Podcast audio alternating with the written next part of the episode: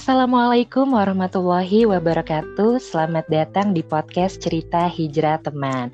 Nah, alhamdulillah nih akhirnya kita sudah memasuki episode baru lagi dan kali ini kita sudah kedatangan seorang bintang tamu yang akan sharing tentang pengalaman hijrahnya di sini. Tapi seperti biasa aku akan panggilin dulu partner podcast aku Ibu Rahma. Assalamualaikum Waalaikumsalam Ibu Ica. Iya, nah Mak, jadi kali ini kita udah uh, kedatangan narasumber iya. ya yang akan berbagi pengalaman hijrah oh. dan ini masih dari kalangan uh, dekat kita uh-uh. juga yang mana merupakan uh, kakak ipar nah, saya sendiri dan juga ternyata adalah teman SMA Ibu Rahma ya. Udah kayak uh, sinetron ya. Kakak ipar iya, memang dunia ini teman sekolahku. iya, betul betul. Kayak judul-judul iya, FTV iya. gitu ya. Oke, okay. uh, eh, kalau gitu ini kita mau ceritain dulu sedikit backgroundnya. Jadi uh, beliau ini adalah seorang istri dan juga ibu dari tiga orang anak. Anaknya itu cewek semua ya, Razita tujuh tahun, Rabita tiga tahun, dan Ralitsa tiga bulan wow. masih bayi. Uh, uh, kemudian dulunya ini uh, pernah bekerja di salah satu kantor akuntan publik ya. Uh, kemudian uh, pernah juga di salah satu perusahaan pertambangan, tapi setelah memiliki anak, akhirnya memutuskan untuk resign dan menjadi uh, ibu rumah tangga. Nah, tapi sekarang ini tidak hanya sebagai ibu rumah tangga juga, tapi uh, ini ya memiliki usaha di bidang jasa, yaitu jasa just titip ya. gitu ya, alias just tip. Jasti palu dada. Uh, tapi ya. ini eh, tapi ini bisnis ini benar-benar ini loh nggak ngefek sama pandemi loh. Karena kan emang dari online aja kan. Betul, betul. Oke, langsung aja kita panggilkan ini dia Ibu Santi Ayu Ningrum. Assalamualaikum Ibu Santi. Waalaikumsalam warahmatullahi wabarakatuh Bu Ica sama Bu Rahma Masya Allah dibilang bintang saya Aduh Sehat-sehat ya Bu Santi ya iya Alhamdulillah habis pijet Bu Alhamdulillah Anak iya, tiga perlu pijet ya. emang ya Oh, bener banget itu. Apalagi aktif Waduh. semua anaknya ya. Nah, uh, bukan lagi Ya udah jadi gini San kita mau ngobrol-ngobrol nih santai aja tentang uh, pengalaman hijrah gitu ya perjalanan nih dari awal sampai uh, detik ini gitu ya. Uh, jadi yang pertama ini kita mau tanyain sejak kapan sih Santi memutuskan untuk berhijrah dan juga uh, apa nih yang menjadi trigger atau pemicu gitu loh. Apakah ada mungkin kejadian atau pengalaman tertentu? Nah, boleh diceritain nggak tuh? Um, ya ya hijrah ya bukan hijab ya. Kadang tuh suka mikir orang kata hijab itu dibilang berhijrah, tapi sebenarnya uh. orang berhijab pun belum tentu berhijrah gitu. Jadi kalau yeah, seandainya betul. ditanya hijrahnya kapan, kapan ya? ya kalau kerudungan tuh 2000 nikah 2012, 2013 kerudungan pakai hijab. Hijrah itu setelah an melahirkan anak deh kayaknya Razita lahir tuh 2013 ya sekitar 2014 2015 lah. Iya 2014 2015 setelah punya anak sih. Jadi uh, awalnya karena karena punya anak jadi kita ngelihat gimana cara mendidik anak yang benar sih gitu hmm. kan. Secara kalau ngedidik anak kan banyak patokannya misalnya metode apalah pendidik anak secara apalah secara ini. Sedangkan kan dari kitanya basicnya kan agamanya Islam. Ya udah yang buat selamat dunia akhirat mikirnya ya udahlah agama Islam. Akhirnya nyari buku buku pertama untuk mendidik anak tuh carangannya Muhammad Fauzil Adim. Men, uh, apa tuh judulnya tuh ya uh, yang tentang keimanan anak lah. Nah itu tuh dari situ tuh mulai oh iya nih. Kayaknya udah mesti harus belajar tentang agama lagi. Hmm. dari 2000 iya jadi berarti sekitar 2015an lah. Kalau tanya kapan hijrahnya sekitar itu kan udah mulai ngajarin Razita ya. Udah bisa hmm. ngikutin orang tuanya tuh dua tahunan berarti ya. Jadi 2015an lah cak. Okay. Oh gitu. hmm. jadi triggernya memang adalah karena uh, anak ya gitu. Maksudnya uh, kalau untuk ngajarin anak ya pasti dari kitanya sendiri sebagai orang tua harus ngerti dulu paham dulu gitu tentang agama gitu ya. Iya benar. Itu apa awalnya ya itu karena apa punya anak gitu. Okay. ditambah eh, setelah tahu bahwa nanti anak itu jadi tanggungan kita saat di akhirat dunia akhirat. Kalau cuma dunia doang sih gampang ya. Kalau yang akhirat itu udah nggak bisa keelak udah nggak bisa lari ke mana-mana lagi. Kalau di dunia masih bisa kabur kan. Tapi kalau udah di akhirat nah itu suka yang jadi bikin makin harus memperdalam ilmu agama ya di bagian situnya tuh. Kira-kira pada saat baca buku itu apa sih kata-kata atau tulisan apa sih yang di dalam buku itu yang kayak Santi kayak wah ini nih kayaknya gue mesti berhijrah nih seperti yang tadi Santi bilang. Uh, itu kan buku tentang uh, itu kan buku tentang keimanan hmm. ya uh, apa jadi yang paling diingat banget itu kalau seandainya uh, lupa sih gimana hmm. kalimat tepatnya tapi yang pasti kalau seandainya anak itu mau nurut sama orang tua, taat sama orang tua, kita dulu yang mentaatkan diri kita ke Allah kayak gitu. Terus uh, kalau anak itu kan berkaca sama orang tua. Nah, kalau seandainya tingkah laku anak itu ya tingkah laku orang tua. Jadi kalau mau ngelihat anak lihat aja orang tuanya atau lihat orang tua lihat aja anaknya itu kayak udah mirror gitu kan. Nah, jadi di buku itu juga dikasih tahu ya perbaiki dulu diri orang tuanya baru bisa memperbaiki anaknya. Itu itu ini ini banget sih apa namanya kena kena. Hmm. hmm, hmm. Terus ada satu lagi nih cak yang gue mau tanya juga nih cak. Uh, tadi kan yeah. Santi bilang kalau uh, ber, Santi udah berhijab tapi belum berhijrah, ya. Nah, mm. boleh ceritain nggak mm. itu itu maksudnya gimana? Jadi pas Santi pakai hijab, apa yang Santi, kenapa Santi tiba-tiba pakai hijab tapi Santi belum merasa berhijrah gitu?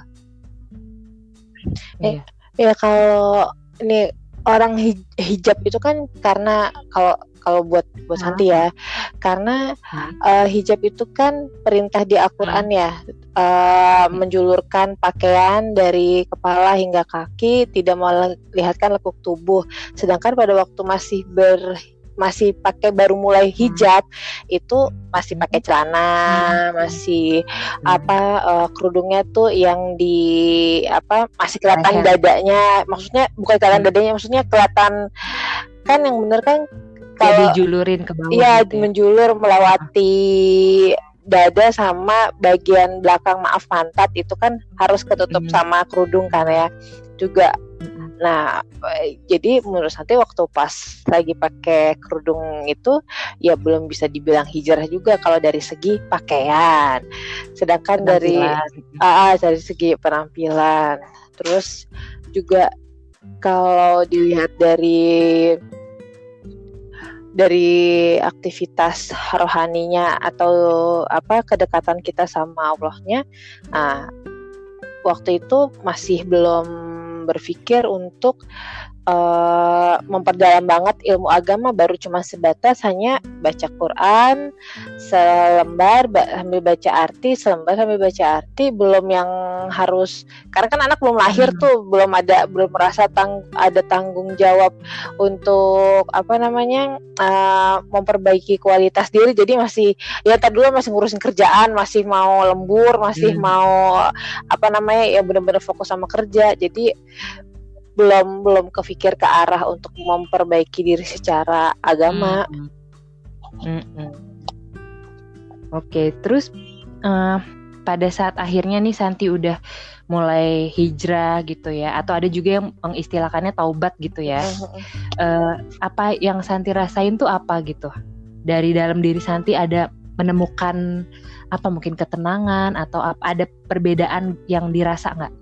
Ada itu um, jadi kan um, nah belajarnya itu kan nggak hanya dari buku ya kayak dari ikut dengerin terutama YouTube ya YouTube-nya Ustadz Halid Basalamah atau enggak hmm. uh, Syafiq Riza Basalamah terus belakangan hmm. Adi Hidayat terus lanjut lagi uh, ya tiga, tiga itu sih yang paling sering diikutin hmm. kajiannya gitu kan nah makin ke sini tuh apa kalau nggak dengerin kayak gitu tuh makin oh iya bener nih oh iya bener nih ditambah Santi ikut HSI kan uh, eh, HSI-nya Ustadz Abdullah Roy. Nah, itu jadi makin tahu nih tentang uh, agama Islam uh, belajar agama Islam entah itu tentang ketuhanan entah itu tentang um, apa iman Tidak. Islam hmm. ihsan ataupun iya. yang malaikat segala macam lah ya gitu. Jadi makin menyamankan menyamankan diri dengan ilmu yang didapat jadi makin bisa didistribusiin ke anak disalurkan ke anak tuh lebih enak gitu karena kita udah paham jadinya lebih tenang hmm, ca hmm, gitu hmm, hmm, hmm. karena iya. karena Santi sendiri kan ibaratnya pengennya ngasih ke anak jadi Santi pengen diisi lagi hmm. biar bisa ngasih gitu ya iya benar iya iya benar banget mak nah benar, dalam iya. proses belajar terus kayak gitu selama kita bisa bilang itu proses berhijrah ya San ya ada nggak sih pengalaman tersulit yang Santi alami gitu selama proses itu? Yang pasti kan fokus ke anak, oh, hilang iya. pekerjaan ya kan? Apakah iya, ada uh, iya. pengalaman yang tersulit? Ada, pasti pasti ada, nggak mungkin nggak ada yang namanya hijrah itu nggak mungkin hmm. smooth ya pasti uh, itu banget banyak Ujiannya banyak, banyak ininya banyak uh, dihadangnya pertama soal kalau dulu waktu awal-awal itu kan masalah penampilan yeah. ya kerudung hmm. besar uh, dari dari dari yang kita celanaan dan kemejaan kerudung di uh, selempang terus langsung terus berubah ke gamis dan kerudung besar.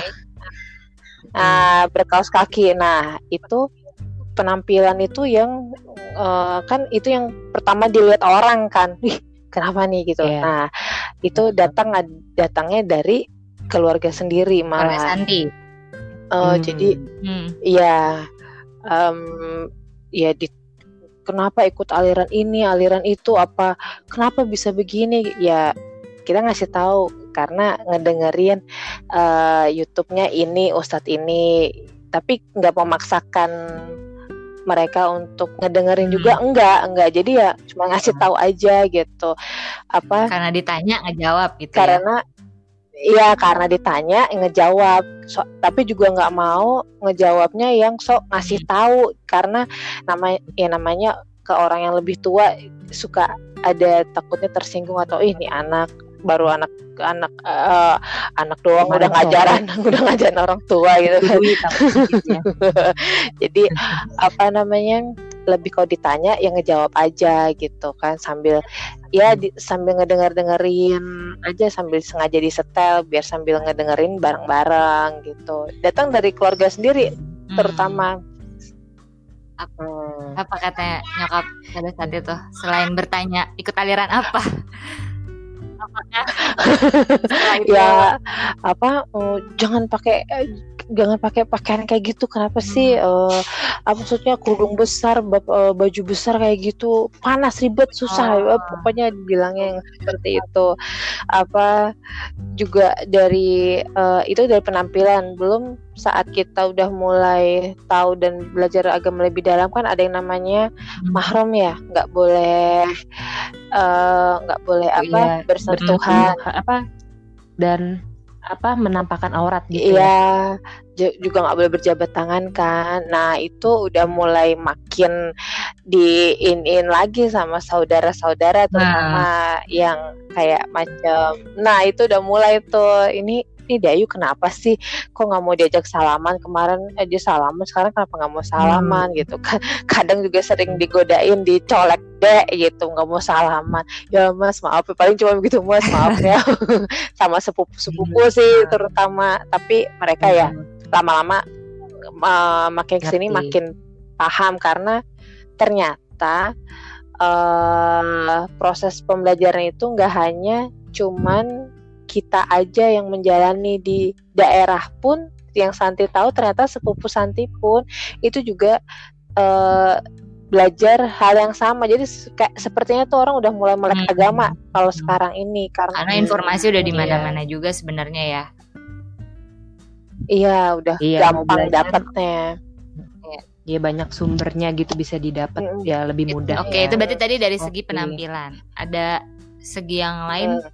Ujiannya mungkin Ah, ujian ya itu dari segi ekonomi. Ini nih banyak nih paling paling si Ica ketawa tuh. Ica ya, hari ini harus. Ini emang eh, jadi eh, kalau namanya orang baru nikah, terus baru nikah, mulai berhijab, kemudian belajar agama dan kemudian berhijrah. Nah, di saat baru menikah, baru punya anak, dah itu wes tuh eh, tak kodel-kodel ibarat kata tuh, aduh, em, apa ya? Jadi kita mau usaha tapi juga yang halal. Satu eh, enggak meninggalkan kewajiban ka- karena Santi memilih untuk ngurus anak ya. Kan kalau pilihan orang itu berbeda-beda. Karena saya memilih ngurus anak jadi eh kerja di saat anak udah eh, kita udah udah menunaikan kewajiban ke anak. Misalnya semuanya dari entah itu makan dari itu ngajak main dari itu kebersamaan waktunya Nah, di saat sela-sela ada waktu itu, paling cuman punya berapa jam sih eh, kalau mau buat eh, nyari tambahan penghasilan, ya akhirnya Santi bikin kayak snack-snack yang dijual ke kantor yang kayak ke Hmm. kantor Ica kayak kemarin itu, Ca. Nah, Iya, dulu ah, ah. nah itu tuh di saat itu em, apa? Sebenarnya kalau sebenarnya juga sempat ada tawaran eh, kerja dari perusahaan di saat yang bersamaan waktu itu, tapi karena kita pengen yang ngurus anak ya udah enggak. Nah, ekonomi yang lagi benar-benar sulit itu tuh bikin kita namanya orang susah itu pasti makin dekat ke Allah tuh. Biasanya kayak gitu. Ya kan, biasanya kayak Iya, gitu iya. tapi itu malah bikin jadi kita banyak belajar bahwa ternyata eh, keajaibannya Allah itu benar-benar emang ada. Contohnya kayak waktu pulang dari kantornya Ica masih banyak isinya tuh masih banyak lagi gerimis-gerimis cuman bisa ngelus dada aduh ini masih sisa banyak Banget. ah, masih banyak terus semua Eh, ya kan? sepanjang jalan eh, iya makanya sepanjang jalan cuman yang satu ingat tuh ba- yang satu ingat tuh Santi ingat banget bacanya tuh eh, subhanallah wa bihamdi subhanallahil hamdi itu dari kantornya Ica nyampe stasiun Palmerah tuh Santi baca itu Mhm. cuma berdoa ya Allah semoga laku di jalan. Soalnya kalau enggak kan udah capek terus Hmm. kagak balik modal jadi kesannya ya gimana banget ya? Eh eh, jadi apa alhamdulillah pas di stasiun itu sambil kita kucing-kucingan sama satpam security stasiun tuh alhamdulillah habis. Tinggal sisa cuma empat doang sambil eh, di dalam kereta jadi eh, apa ya kayaknya setiap setiap setiap saat tuh Santi percaya Allah tuh sayang sama Santi gitu. Allah tuh sayang sama Santi. Jadi eh, ya udah percayanya itu aja gitu. Apa yang Allah tentuin kita kan eh, belum tahu akhirnya itu seperti apa gitu kan. Baru saat menjalani kita udah ngejudge kok Allah begini kok Allah begitu? Nah yang nggak boleh tuh yang kayak gitu tuh ngejudge ngejudge Allah kayak gitu tuh nggak boleh Mhm. tuh. Yang harus percaya tuh Allah tuh sayang banget sama kita Allah tuh sayang banget sama Santi. Makanya ya udah berdoa aja percaya. Eh alhamdulillah. Dan masalahnya sayangnya Allah itu terus terus terus menerus Hmm. bermunculan. Hingga sampai saat ini pun masih terus menerus seperti itu gitu kan kayak eh apa usaha di, dalam menjalankan usaha yang sekarang pun ke apa eh, rugi hampir s- karena salah salah eh, prediksi ada orang yang order eh, masker ternyata Oh. dia cancel udah kita udah bayar nggak ah, ah, itu hampir Oh, hampir. 3 juta dan itu ya itu kan mak- maksudnya uang boleh juga boleh minjem Hmm. kan itu ya Cek, ya? Oke, harus diputar ya. jadinya jadi Nggak banyak ya, yang harus diputar gimana cara buat ngebalikin ngebalikin ngebalikinnya itu gimana cara gitu kan? Jadinya Allah tuh sayang Allah tuh sayang. Eh alhamdulillah akhirnya sekarang udah bisa terus aja diputar.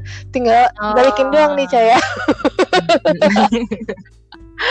karena mungkin dulu kan nah. Santi pas masih kerja kantoran terus sama sama Ibim Ibim tuh suaminya ya uh, abang gue tuh uh, maksudnya kan dulu kan jadi penghasilan dua terus tiba-tiba Santi resign itu kan jadi jomplang ya maksudnya Bener. penghasilan ya jadi yeah. jadi satu nah makanya uh, untuk membantu perekonomian keluarga tuh Santi ikutan apa apa jualan kayak gitu-gitu ya mm -hmm. jadi uh, uh, jadi dapat di situ ya ujian hijrahnya juga termasuk ada satu, satu di situ satu juga ya, ya atau udah dua sih atau lagi masih uh, ya? masih satu hmm. masih satu masih satu masih, uh, satu. masih satu itu apa jadi sebenarnya ujiannya pun itu kan dari mas satu dari uh, physical appearance hmm. ya dari penampilan terus dari ekonomi belum lagi dari emosi yang terkuras kalau um, apa kalau misalnya kita nemuin sesuatu hal yang apa ya um, kan semua orang itu hidupnya berputar ya.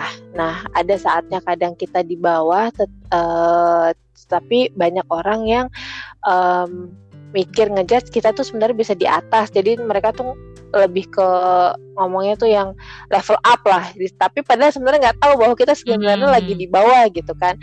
Uh, kadang uh, kadang kita dipush untuk bisa ke level up itu gitu.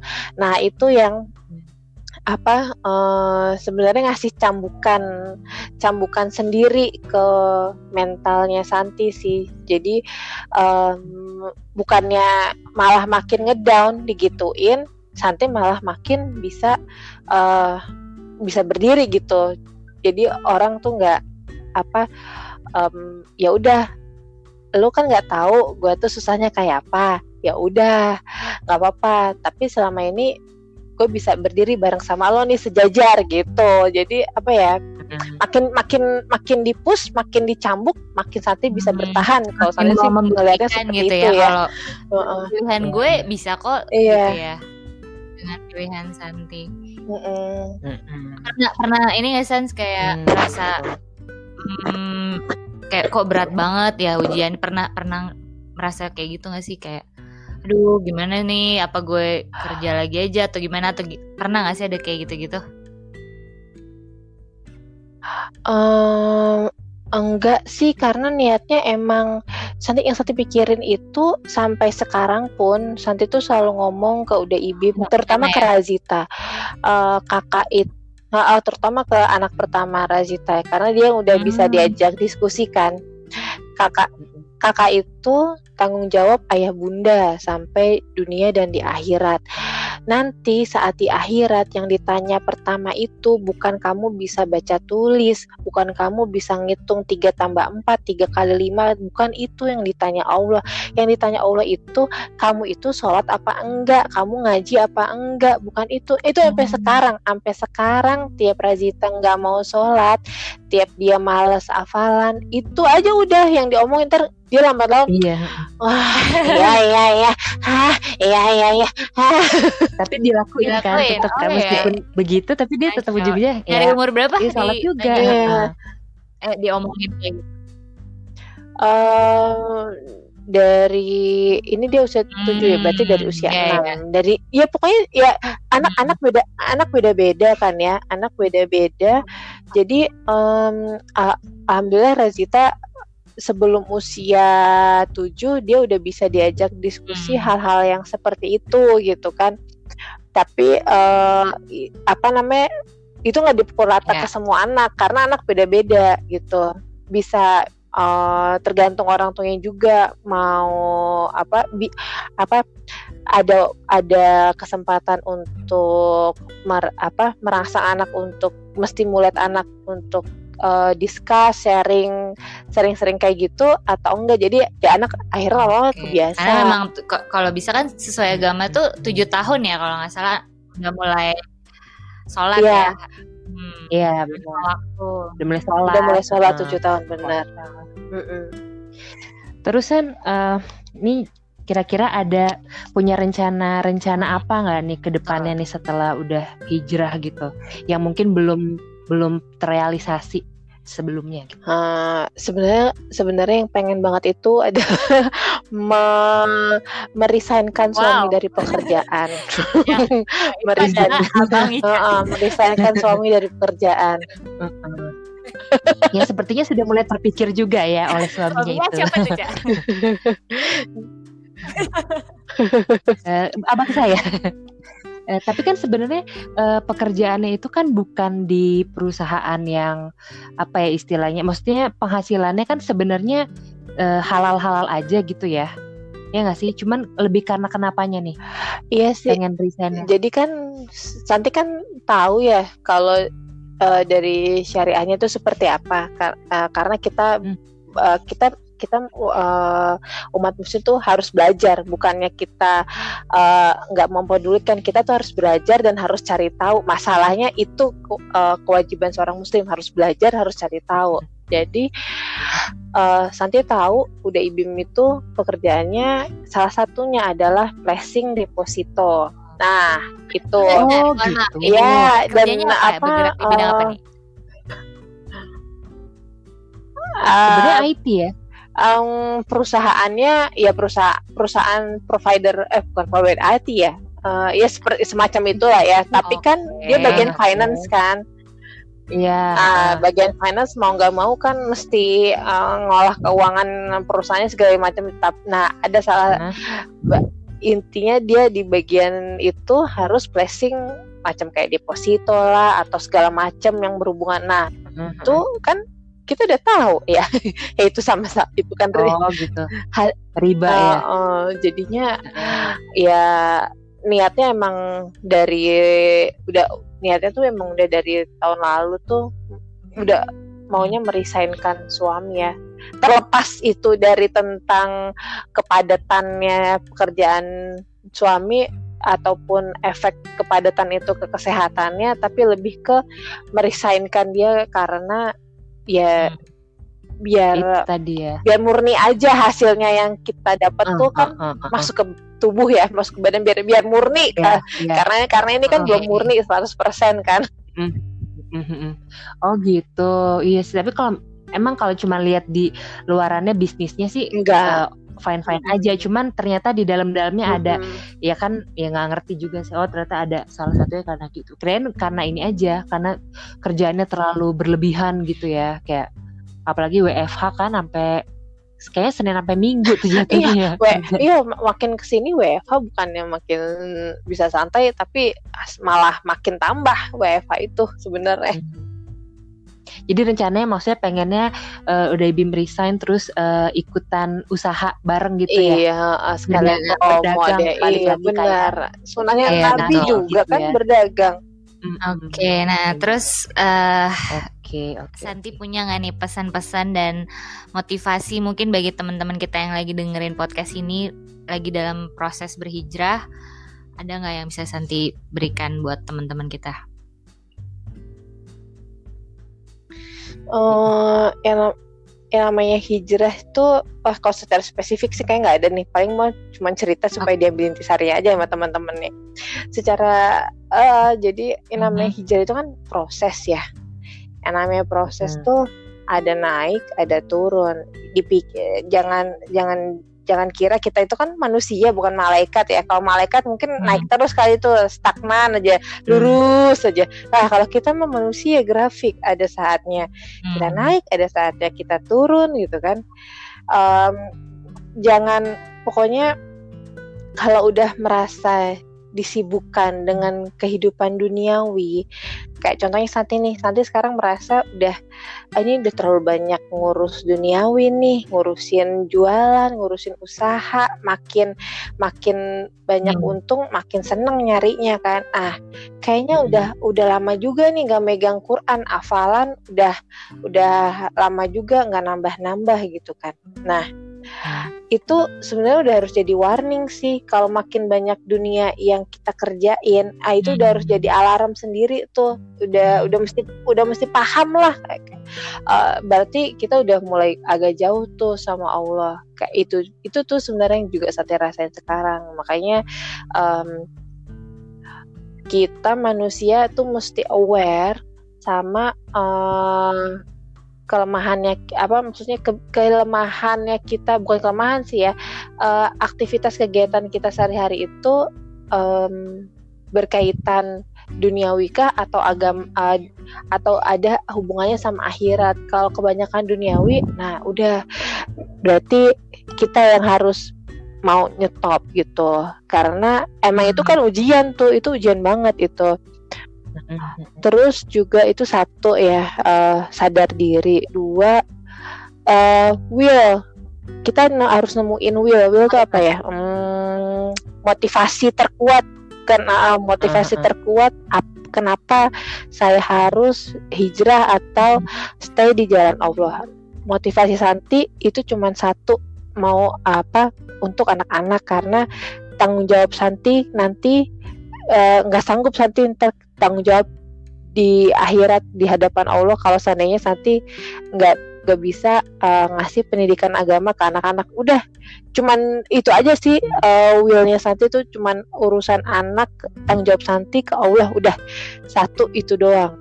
Eh, masalah yang lain entah itu pendidikan atau apa belajar kognitif lah ke kakek nenek atau ke utinya itu nggak cuma satu yang harus dipikirin tuh cuma ke Allah doang tanggung jawab ke Allah udah hmm. itu doang iya will sadar diri sama apa ya jangan terlalu banyak dengerin uh, orang yang misalnya ujian-ujian itu ada karena untuk meningkatkan kualitas diri kita kalau nggak ada ujian nggak ada orang-orang di sekitar kita yang ngomongnya nggak nggak hmm. enak hmm. itu namanya bukan ujian gitu ya biasa aja berarti kan jadi jangan terlalu hmm. dengerin omongan orang oh udah sih iya, kayaknya itu penting, yang penting uh, ini aja ya hmm uh, turuti perintahnya Allah gitu mau orang yeah. ngomong apa balik lagi ke tujuan iya, awal kita berhijrah tadi udah, itu ya iya.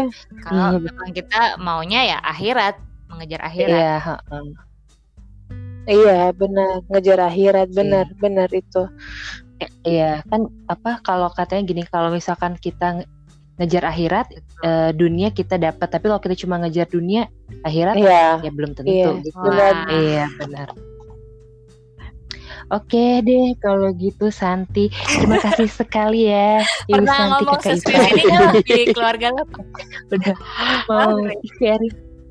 Uh, sering, sih kalau kita sih emang emang deket sering sering cuman uh, kalau yang sampai detail kayak gini yang tentang hijrahnya banget sih baru sih baru sekarang ya kalau kemarin-kemarin ya, secara Ica juga mulai berhijrah kan mudah-mudahan ya Allah. Udah mulai ada kode kode kode. lagi nih. Hashtag kode ya. Amin ya Allah. Ya kita doakan saja mudah-mudahan 2021 ya, amin amin. selalu amin ya akhirat gitu ya. Iya benar. Oke. Iya betul ya udah oke okay, kalau gitu teman hijrah itu dia tadi Eh, bincang-bincang uh, kita bersama dengan narasumber kita kali ini ada Ibu Santi Ayu Ningrum yang uh, menarik banget ya. Ternyata yeah. kita lihat lagi dari sisi yang lain lagi. Sekarang kan kemarin-kemarin kan ada ya dari ada pekerja kantoran, ada yang udah usaha juga, ada yang dari uh, apa pemerintahan segala macam. Nah ini dari uh, tapi anaknya tiga ya? Main-main. Iya benar. oh iya benar. Uh, uh, sibuk banget iya, sibuknya karena, karena ngurusin anak banget. juga, ngurusin jualan segala macam. uh, uh, eh curcol ya ibu ya. Oke. Okay. Okay. ya kalau gitu sampai ketemu lagi di next podcast kita ntar akan ada siapa lagi tungguin aja podcast cerita ya cerita hijrah teman okay. di Spotify dan juga Uma. Wassalamualaikum warahmatullahi wabarakatuh. Waalaikumsalam warahmatullahi wabarakatuh.